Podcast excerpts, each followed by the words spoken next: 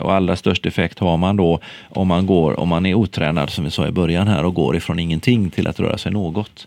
Det är kanske de allra största hälsoeffekterna.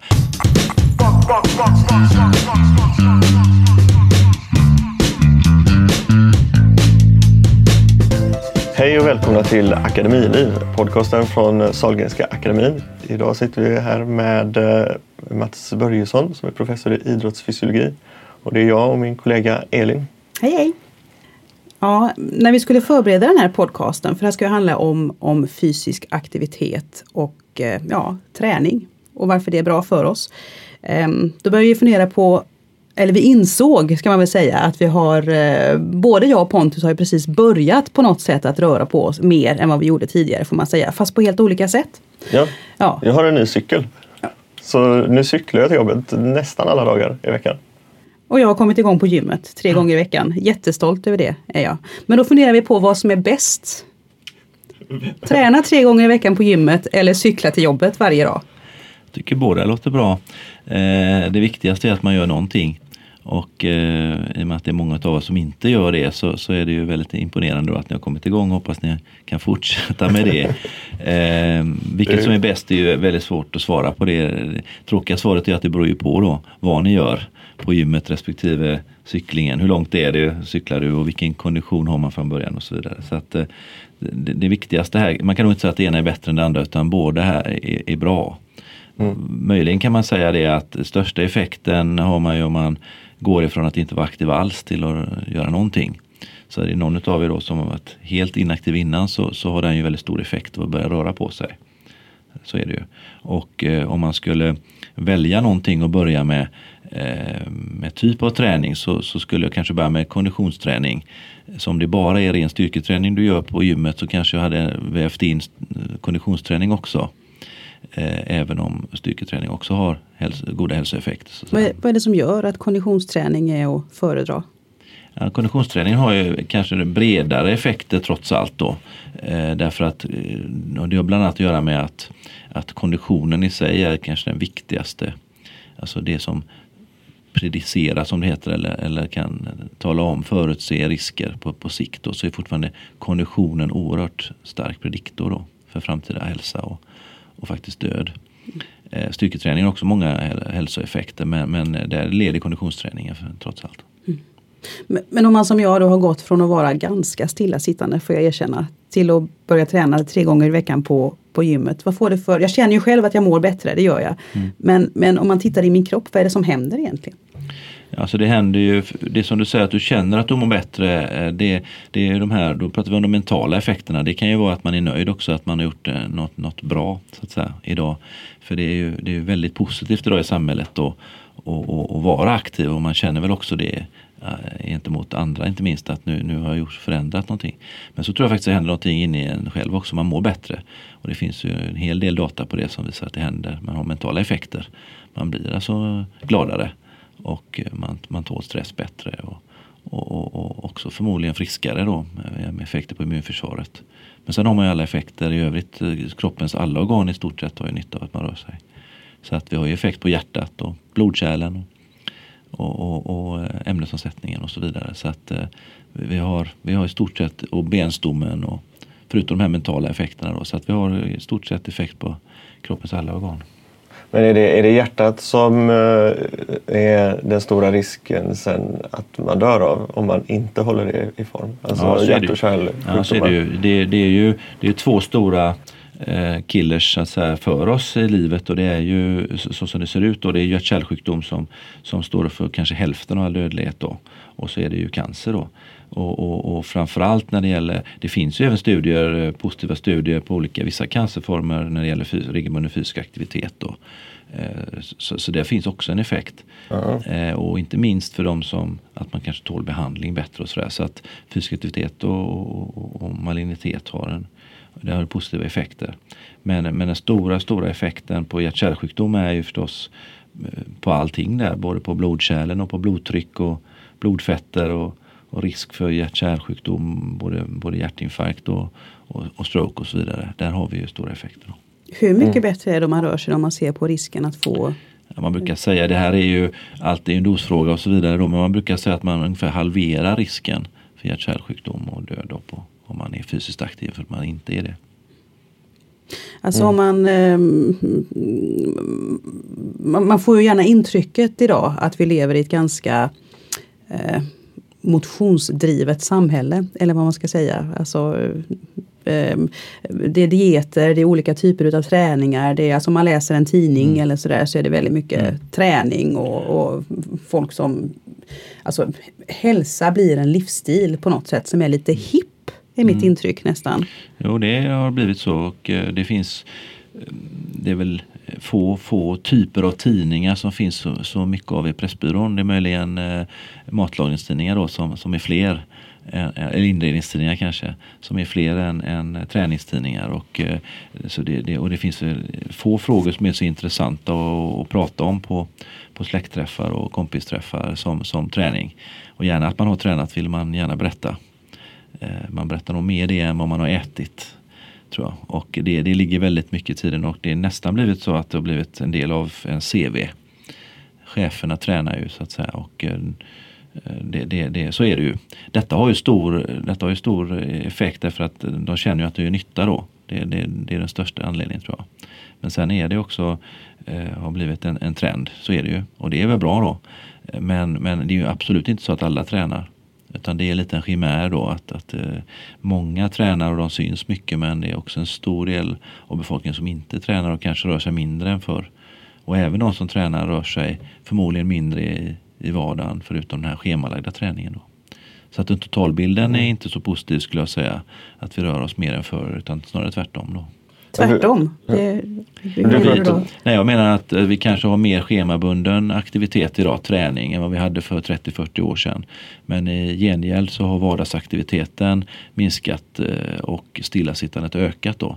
Så våra totala rörelser så att säga, har snarast gått ner jämfört med förr. Men då kan man vända på det så att det är väldigt tur då att vi har de här intresset för att röra på oss och, och, och träna och regelbundet för att det väger upp en del av de här minskningarna i samhället. så att säga. Just det. För när du säger fysiskt aktiv då, då räcker det egentligen inte att, att bara träna för att vara fysiskt aktiv så att man mår bra. Man ska också röra på sig utöver själva träningspassen.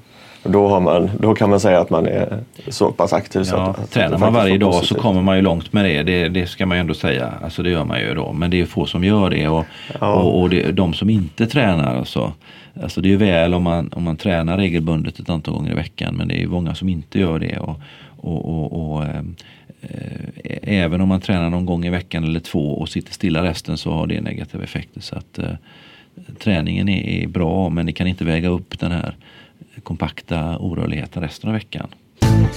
Vilka är det då som, som inte tränar? Vad vet vi om dem? Ja, det finns en skarp socioekonomisk gräns, inte minst i Göteborg. De har ju sett i såna här, våra studier som bedrivs med, med av medelålders eh, svenskar och där börjar man ju den här studien som heter Skapis bland annat i Göteborg. Där kunde man ju se då att det var en stor skillnad därför att där hade man stratifierat deltagarna i den här studien från, från olika geografiska områden i Göteborg. Då såg man att det var stor skillnad på på, på hälsotalen i de olika delarna men, men också på rörelsemönster eh, och kondition. Så att eh, eh det är en stor skillnad även när det gäller rörelsemönster inom Göteborg då. Och det är delvis kopplat till socioekonomi då. På vilket sätt då? Eh, svagare socioekonomiska grupper, i det här fallet var det beskrivet som geografiska områden då, eh, rör sig mindre då och eh, det, det, är kopplat också då till ökad övervikt, ökad diabetes och och, och, och mer rökning till exempel. Mm. Ni, då har, ni har försökt mäta då hur man verkligen uh, rör sig. Inte bara så här, om man svarar att man går till gymmet uh, tre gånger i veckan och sen gör man i själva verket inte det. Ja, det är spännande för att i den här studien när man frågar människor om sina motionsvanor eller rättare sagt hur mycket man rör sig även i vardagen. Inte bara motion utan all form av rörelse. Så, så, så frågar man också om, och, man frågar också om stillasittande. Men sen gör vi också en, samtidigt då en, en, en, en mätning då eh, under en veckas tid eh, där man mäter med en så kallad accelerometer som är en form av avancerad stegräknare kan man säga. Mm. Som också mäter, kan gradera inte bara antalet steg utan hur intensivt man rör sig. Om det är lågintensivt eller om det är medelintensivt eller om det är högintensiv aktivitet som är träning då eller om det är stillasittande. Mm. Och då kan man få det minut, sekund för sekund så att säga eh, över veckan och kan addera de här olika eh, typerna av rörelse. Och då kan vi jämföra det med vad folk tror att de är aktiva.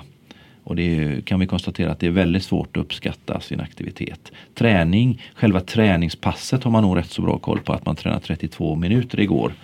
eh, men eh, när det gäller vardagsaktivitet har man en väldigt dålig uppfattning eh, och när det gäller stillasittande har man också en, en, en eh, väldigt dålig uppfattning. Och det innebär helt enkelt att man sitter still mycket mer än vad man tror och man rör sig mycket mindre än vad man tror. Ja, alltså det är precis den kopplingen det är då. Det är lite grann som med kost. Vi har lärt oss det sedan tidigare att man, blir man tillfrågar om, om vad man äter så, så kommer svaret och jämför sen exakt vad man har stoppat i sig så kommer svaret då och, och man tror att man äter mer grönsaker än man gör och, och frukt och, ä, och, och äter mindre chips och godis än man gör.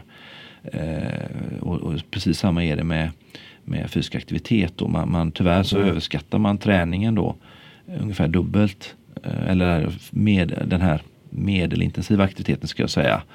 Motionsbringande aktiviteten då. Som inte bara är träning. För träningspasset kanske man har rätt så bra koll på. Men, mm. men övrig vardagsaktivitet som, som, som ger hälsa så att säga. Underskattar man då. Eller så, överskattar. Överskattar ungefär dubbelt. Och eh, när det gäller stillasittande tyvärr så, så, så underskattar man det kanske upp till tre timmar per dag i snitt. Då. Eh, mm. i våran studie. Där. Så att eh, vi har dålig uppfattning om hur vi rör oss och lite litet önsketänkande finns det nog i detta. Eh, mm. när man, när man ska, ska bedöma hur, mycket, hur aktiv man är. Då. Mm. Det här att det liksom är, är, bra att röra på sig, det är ju belagt i studie efter studie efter studie. Men det här stillasittandet som ökar, alltså är det direkt farligt att sitta stilla? Ja, det vet vi nu att det är då. Och, och förr i tiden så, så kanske på 70-talet så där när man diskuterade 60-70-talet när man började diskutera motion och, och att det var att det, att det nog behövdes öka så att säga i Hylands hörna så, så, så, så sa man att det var nog en bra idé att röra på sig och idag vet vi att de här professor Åstrands och deras eh, tv-inslag, det han tipsar om då, det vet vi att det är sant. Nu har vi belägg för det så att säga. Mm. Men han hade rätt redan då. Eh, men, men det var väldigt mycket konditionen man eh, betonade i början. Eh, och eh, det var konditionsaktiviteter och deltagande i eh, Vasalopp på arbetsplatsen och så vidare. Och, och, och lopp och sådär. Och det finns ju kvar och det, det, det, är väl bra. Konditionen är fortfarande väldigt starkt. Men sen har vi lärt oss då att det är inte alla som det passar med den typen av aktivitet. Och det finns hälsobringande aktivitet förutom träning så att säga. Och, och då, då börjar man prata mer om vardagsaktivitetens betydelse och kunde visa att det var oberoende. Alltså det var också en viktig riskfaktor. Oavsett om man tränar eller inte så var vardagsaktiviteten av betydelse. Och nu de senaste åren har man då eh, kommit eh, fram till att även stillasittandet är oberoende riskfaktor. Och det menas med det att oavsett om man tränar eller om man är eh, aktiv i vardagen så har mängden stillasittande betydelse. Så att det är klart att är man, tränar man fem gånger i veckan så är man lite skyddad mot stillasittandet. Så är det ju. Men det är fortfarande så att det skiljer mellan olika grader av stillasittande även hos de som tränar. Så mm. att eh, stillasittandet är en oberoende riskfaktor och det har vi lärt oss. Så vi pratar egentligen om olika nivåer av aktivitet där varje nivå har sina egna eller har nya positiva effekter. Alltså, ja. Om man går från att sitta stilla till att bara röra sig lite grann eller om man går från att kanske få upp pulsen lite på en raskare promenad mm. till att eh, då verkligen ha en intensivt träningspass. Mm. Men, men alla de eh, det får effekt bara man rör sig från lite grann uppåt och till en ny nivå. Och allra störst, så är det. Och allra störst effekt har man då om man, går, om man är otränad som vi sa i början här och går ifrån ingenting till att röra sig något. Det är de allra största hälsoeffekterna. Och det beror ju delvis på att det är en kraftig effekt tidigt. Men det beror också på att det är många fler som befinner sig där eh, än vad det är som tränar hårt. Trots allt. Trots tidningarna. Ja precis. En, en löpsedel som fastnade på min näthinna i alla fall var någon eh, Aftonbladet tror jag som skrev att en minut räcker. Det var någon studie som eh, eh som du hade gjort bland ja, annat. Ja. Där de kanske drog lite hårda växlar på den. Men kan du berätta om de resultaten? Ja, var det? det var en, en, det var också ifrån den här SCAPI-studien där, där vi tittar då på eh, 50 till 65-åringars rörelsevanor i, i det här fallet göteborgare då. Och eh, då, då, gjorde vi en matematisk modell där vi räknade ut att om man nu skulle byta ut då olika tider av stillasittande emot lågintensivt eller medelintensivt eller högintensiv aktivitet eh, i en minut om dagen eller fem minuter om dagen eller tio minuter, femton och så vidare upp till flera timmar eh, per dag när man byter ut stillasittandet mot något annat då. För då ska vi komma ihåg att vi sitter ungefär nio timmar om dagen. Eh, och resten av vakna tid så i stort sett så är vi, förutom kanske en halvtimme, så, så är vi då lågintensivt aktiva. Så att eh, utav de 16 vakna timmarna eller vad man nu kan standardisera det till då, så, så 15,5 då befinner vi oss antingen stillasittande eller väldigt lågintensivt aktiva. Då. Eh, skulle man då kunna byta ut bara en liten, liten minut eller 5 eller 10 eller 15 utav de här så får man effekter. I det här fallet hade vi kopplat det till risken för att ha det metabola syndromet. Det är ju en, en en, en samling begrepp då för, för övervikt och diabetes och högt blodtryck och höga mm. blodfetter kan man säga. Mm. Olika konstellationer. Eh, men eh, då, då hade en minut, alltså det, det, hade signifikant, det var signifikant skillnad i risken då bara av en minut. Men det är ganska häftigt. Ja, så är det ju då. Och det är en statistisk modell detta, men alltså det hade betydelse bara att ta bort en minut stillasittande per dag. Då. Och det har väl ett viktigt budskap att, att eh, det har effekt direkt och även små förändringar har effekt. Mm. Men eh, att en minut räcker skulle jag inte vilja påstå. Därför att det var väldigt små skillnader då förstås. Eh, ja. Utan det var ju först när man kom upp längre. Och det intressanta med det här var ju då att vilken typ av aktivitet man byter ut det till. Då behöver man ju kanske byta ut det till till, till en, en, kortare period då. Men, men, eh, man kan ju tänka sig att en träning en halvtimme om dagen hade ju oerhört stora effekter. Eh, medan eh, promenad eller lågintensiv aktivitet två timmar om dagen hade också väldigt bra effekter. Så att, så att då fick man istället, om man har lägre intensitet kanske man får längre tid istället. Då. Mm. Just det. Du får cykla antingen jättesnabbt till jobbet eller ta liksom en omväg kanske. Cykla ja. och cruisa lite mer. Och sen är det, är det ju så att, att eh, det man glömmer av alltid nästan i det här sammanhanget är att det är relativt. Då. Det vill säga är man otränad så är ju det minsta lilla aktivitet kanske jobbig.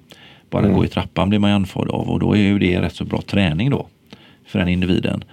Eh, så att, så att eh, i början så, så behöver man inte göra så mycket för att få en träningseffekt och även konditionseffekt faktiskt. Är det jobbighetsgraden som talar om för oss hur bra träningen är? Ja, det kan man säga att det är eh, därför att den, jag skulle påstå att den är överlägsen pulsklockor och andra, andra gimmicks. Därför att det är din ansträngningsgrad som är kopplad till hur hög ansträngningsprocent du har, så eller hur hög max, procent av din maximala hjärtfrekvens du ligger på den kopplingen mellan hur andfådd du är eh, och ansträngd du känner dig eh, är väldigt väl kopplad till hur, hur ansträngt hjärtat är. Eh, eller stimulerat om man väljer det ordet då. Och snarare bättre än att titta på en klocka om man inte är väldigt utbildad i detta då. Så om man är ganska vältränad då krävs det också att man anstränger eller att man genomför mer fysiskt arbete för att få en effekt på det sättet? Ja, för att få samma konditionsökande effekt så är det ju. Mm. Jag menar, jag pratade med Anders Gärderud, den gamla löparen, en gång vi föreläste ihop och, och, och jag menar han, han, han, tränade två timmar om dagen eh, hård löpning och han försökte öka det till tre timmar om dagen. Alltså vi pratar om eh, för att öka sin kondition om procent. Mm. Medan vi andra då skulle kanske inte en minut räcka men, men skulle vi Eh, börja gå i trappor som man gjorde i en, en studie i ett, ett, universitet i, i Schweiz där man fick folk att använda trapporna istället för eh, hissen under, under tre månaders tid. Då förbättrade de sin kondition eh, 15 procent. Så att eh, Mm. Det, det, är nog det vi säger. Alltså, de flesta av oss har så, då, så pass halvbra kondition om man uttrycker sig så. Så att vi skulle förbättra vår kondition genom att vara vardagsaktiva. Mm. Mm. Men hur är det, kan man, kan man träna för mycket då? Kan man liksom nå en gräns där man liksom är så vältränad och rör sig så mycket så att det blir dåligt för kroppen? Ja, det kan man eh, göra. Eh, men eh, den debatten är lite tråkig därför att det är så väldigt få som befinner sig i den zonen då. Mm. Eh, visst kan man få både överträning och, och möjligen eh, skador om man tränar alldeles för hårt. Eh, och sen beror det förstås på om man är frisk eller sjuk i botten. Mm. Men jag skulle påstå att det är väldigt få svenskar som, som som, som har, ligger i riskzonen för överträning. Mm. Men, men väldigt många fler som, risk, som är undertränade om man säger så. Så att det, det där är ett, ett, de flesta av oss skulle må bra av att, om 95 procent skulle ha, ha nytta av att öka sin aktivitet i samhället så är det bara väldigt få då som man möjligen skulle kunna hålla tillbaka lite. Mm. Och de kanske inte heller tränar för, bara för hälsa en del utan de tränar för att det är deras jobb eller för att de absolut måste springa de här enorma utmaningsloppen. Men det har inget med hälsa att göra förstås. Nej. Nej, för, för hälsans skull då ska man förbättra sin kondition. Så, helt enkelt. Så, Det- det- det är det- det är det stora- Det, är det, Ja, det är det stora. Men, men eh, det innebär inte att man måste... Då ser man ofta framför sig träningspasset då. Ja. Och, och, och eh, det, jag vill påstå att om du, som vi sa innan, om du ökar din vardagsaktivitet eller som du cyklar till jobbet eh, och inte har gjort det innan och gör det ett halvår eh, så kommer du förbättra din kondition. Men du kanske inte tänker på det som konditionsträning utan Nej, nu har det. jag bara tagit mig till jobbet fram varje dag men jag har ju inte tränat något. Men det har du ju då. Mm, Så det. att eh, det är nog där som man gör lite misstag att, att de här träningspassen till, tillmäter man kanske lite för stor betydelse eh, och vardagsaktiviteten och stillasittandet lite för lite möjligen. Eh, du- jobbar ju på någonting som kallas för CHP, Center for Health and Performance. Vad, vad är det för någonting? Alltså, ja, COP är en del av eh, institutionen för kost och idrottsvetenskap på Göteborgs universitet. Och det är, den, eh, det är ett center kan man säga för, för eh, en hubb som vi brukar säga för, för fysisk aktivitet. Vi vill kunna fysisk aktivitet i alla dess former. Både för hälsa och för prestation. Då. Och det gör att vi jobbar med allt ifrån idrottare till, till med, med två delar egentligen. Biomekanik Eh, och när det gäller eh, fysisk prestationsförmåga. Då. Eh, men också för, för fysisk aktivitet för, för hälsa. Och vi, vi vill kunna fysisk aktivitet på det sättet att det är liksom våran lite slogan då att vi, vi, dels vill vi deltar vi i studier där vi ser att det är nyttigt att röra sig och varför. Men vi vill också delta i studier där vi tittar på mekanismerna varför det fungerar. Eh, och, eh, och även i, i, testa det i olika sammanhang. Där vi, där vi liksom deltar i studier där vi, där vi använder fysisk aktivitet som behandling eller, eller som förebyggande av olika förbättra olika saker. Då. Men också för att öka eh, studier där vi implementerar fysisk aktivitet, alltså hälsopromotion. Eh, där, vi, fysisk aktivitet på recept eller, eller att vi får in det i häls, hälsosammanhang på det sättet. Så vi vill, vi vill vara en, en resurs kan man säga för, för sjukvården eller för forskningen eller för, eh, även för samhället. Där det gäller nytt, kunna fysisk aktivitet men också kunna svara på de här frågorna. Hur ska vi mäta fysisk aktivitet? Eh, hur ska vi, vad har det för effekter och så vidare. Och det vill vara en resurs. Om du skulle berätta kort om eh, något projekt som ni håller på med just nu där du, som du arbetar med. Kan du? Ja, det stora projektet som har vi berört lite grann här där vi är med epidemiologiskt så att säga och tittar på. Vi är en del i, i projektet och det är en liten del men det, det är ett stort projekt som, som omfattar 30 000 medelålders svenskar 50 till 65 år där man kartlägger, det, det är den största eh, liksom kartläggningsstudien av, av kardiovaskulära riskfaktorer i, åtminstone i Skandinavien eh, som pågår nu i Sverige. Då. Och där har vi ansvar för fysiska aktivitetsmätningarna som är en liten del i detta men, men en oerhört viktig del tycker vi. Eh, både när det gäller frågeformulär, när det gäller eh, konditionsmätning och när det gäller de här rörelsemätningarna som jag pratade om förut med accelerometer. Då. Och detta är förstås tror vi har betydelse för massa olika saker som mäts i den här studien. Allt ifrån Eh, mentala effekter, kognition till, till eh, eh sömn eh, och till eh, hjärt-kärleffekter eh, med med hjärta och kärl och, och, och, så vidare. Så att eh, där är, det, det är vi väldigt glada att vi är med i den och där är också med metodutvecklingen för de här eh, accelerometrarna. Det vill säga hur man, hur man får de här att, att eh, kanske bli ännu mer bättre på att skilja mellan sittande och stående och, och vilka typer av stillasittande kanske eh, och så vidare då, som, som man kan eh, skilja på i riskhänseende. För vi har ju idag inga, inga rekommendationer kring stillasittande till exempel. Vi vet ju att vi ska sitta så lite som möjligt men, men vi kanske ska ha rekommendationer om att det är vissa timmar som, som vi har när det gäller hur mycket man ska röra på sig. Så det finns ju inte idag. Eller det här att man ska resa sig en gång i halvtimmen. Eh, vi vet ju inte riktigt om det är var 28 minut eller var 35 och, och så vidare. Och det, här, det, det, är sånt där man ska försöka ta reda på i sådana här studier. Då. Så att det kan leda till praktiska råd för, hoppas vi, för, för ja, samhället sen och sjukvården. Mm. Jag känner själv att det börjar klia lite i kroppen på mig när vi mm. pratar om att sitta stilla. Vi sitter ju ner och gör den här inspelningen. Det känns eh, fel på något sätt. ja, det är ju så. Eh, gåmöten har ju blivit populära. Eh, och på en del håll nu så börjar man ju till och med ha sådana här slingor där man kan ha, vill du ha ett 15 minuters möte eller en halvtimmes möte så går du den slingan. Och så. Jag tror att det är helt Smart. rätt. De har mm. börjat diskutera det ute på Östra sjukhuset bland annat. Och det mm. tror jag är helt rätt väg. Nu i, i somras så var du med om ett, eh, ett äventyr som i alla fall jag vill höra om. Du var med i, i Rio.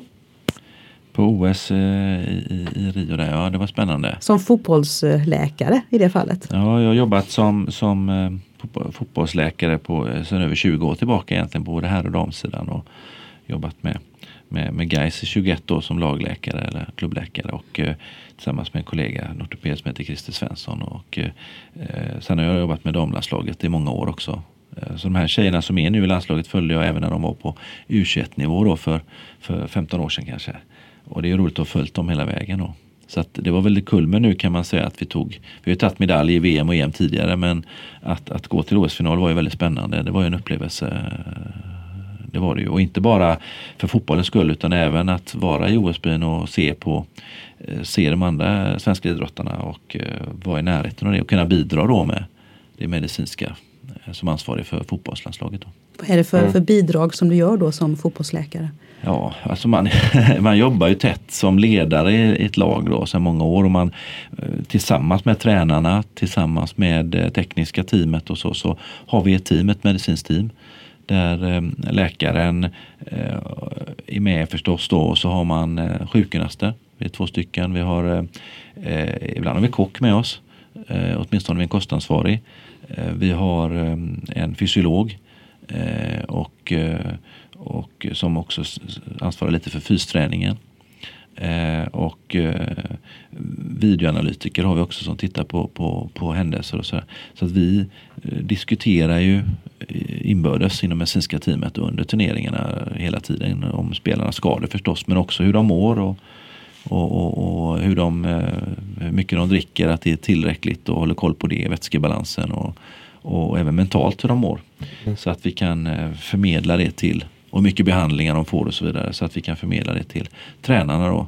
Alltså landslaget var ju, gjorde ju en jättestrong insats i OS, det måste man ju säga. Hur, eh, vad är ditt eget starkaste minne från, från OS?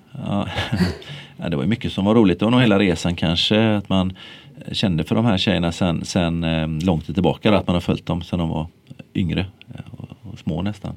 Eh, och, och, att det här blev en, en, toppen för dem på något sätt att de kom till final. Men eh, jag tycker nog matchen mot USA kanske var eh, väldigt spännande. Det var som att det var viktigt att vinna den matchen därför att annars hade vi fått åka hem förstås men, men det var också att man bröt någon form av vall där att man slog en av de största lagen i en sån viktig match då. De mm. var ju världsmästare och olympiamästare. Mm. Eh, och att vi slår ut dem där eh, på taktiskt bra spel eh, tyckte jag var imponerande. Och, och eh, vi kände att innan, och vilket är märkligt ändå, att vi, ja, men vi, kom, vi kan slå de här. Och vi har ju inte förlorat mot dem på, på, på flera, ett antal år faktiskt. Så vi hade nog rätt så gott självförtroende inför den matchen ändå. Det kan ju verka konstigt men det kändes så. Mm. Så det var nog absoluta toppen att vi slog dem och sen så gick det ju bara farten där match till där ju. Så att det, det, var, det var en häftig upplevelse. Det, och det var kul för hela laget och kul för, för oss runt omkring och för Pia och allihop. Så, så det var skoj. Häftigt.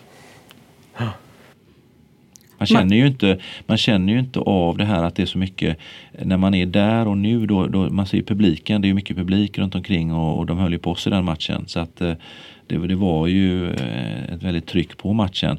Men eh, man är ju omedveten förstås om tv-tittarna. Alltså man förstår inte riktigt att matchen går hemma. Man, det är väldigt svårt att ta in det mm. när man är där och, och nu. Men det räckte ju med den, liksom, de som var där. Ja, precis. Mats Börjesson, tack så hemskt mycket för att eh, vi fick komma hit och göra den här podcasten. Eh, jag ska säga det också att eh, jag vet att ni har eh, egna planer på att starta en eh, podcast och eh, då får ju du som lyssnar en möjlighet att höra lite mer ingående om olika myter och idéer som finns runt det här med fysisk aktivitet och få veta vad det är som har vetenskaplig grund egentligen och vad som inte har det. Det tycker jag i alla fall ska bli väldigt spännande att höra. Mm.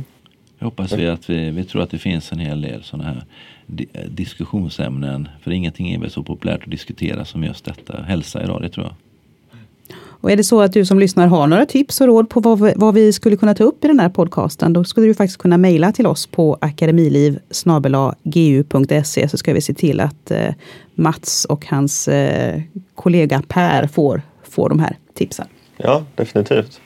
Och eh, det här var ju en podcast från Sahlgrenska akademin från Göteborgs universitet och vi har ju pratat med en del andra professorer och forskare vid, vid Sahlgrenska akademin. Och det, ni hittar både det här avsnittet och de gamla avsnitten på iTunes och Soundcloud och andra ställen där man laddar ner podcasts.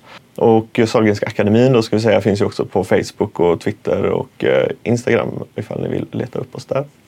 Tack! Tack så mycket, hej då! Tack!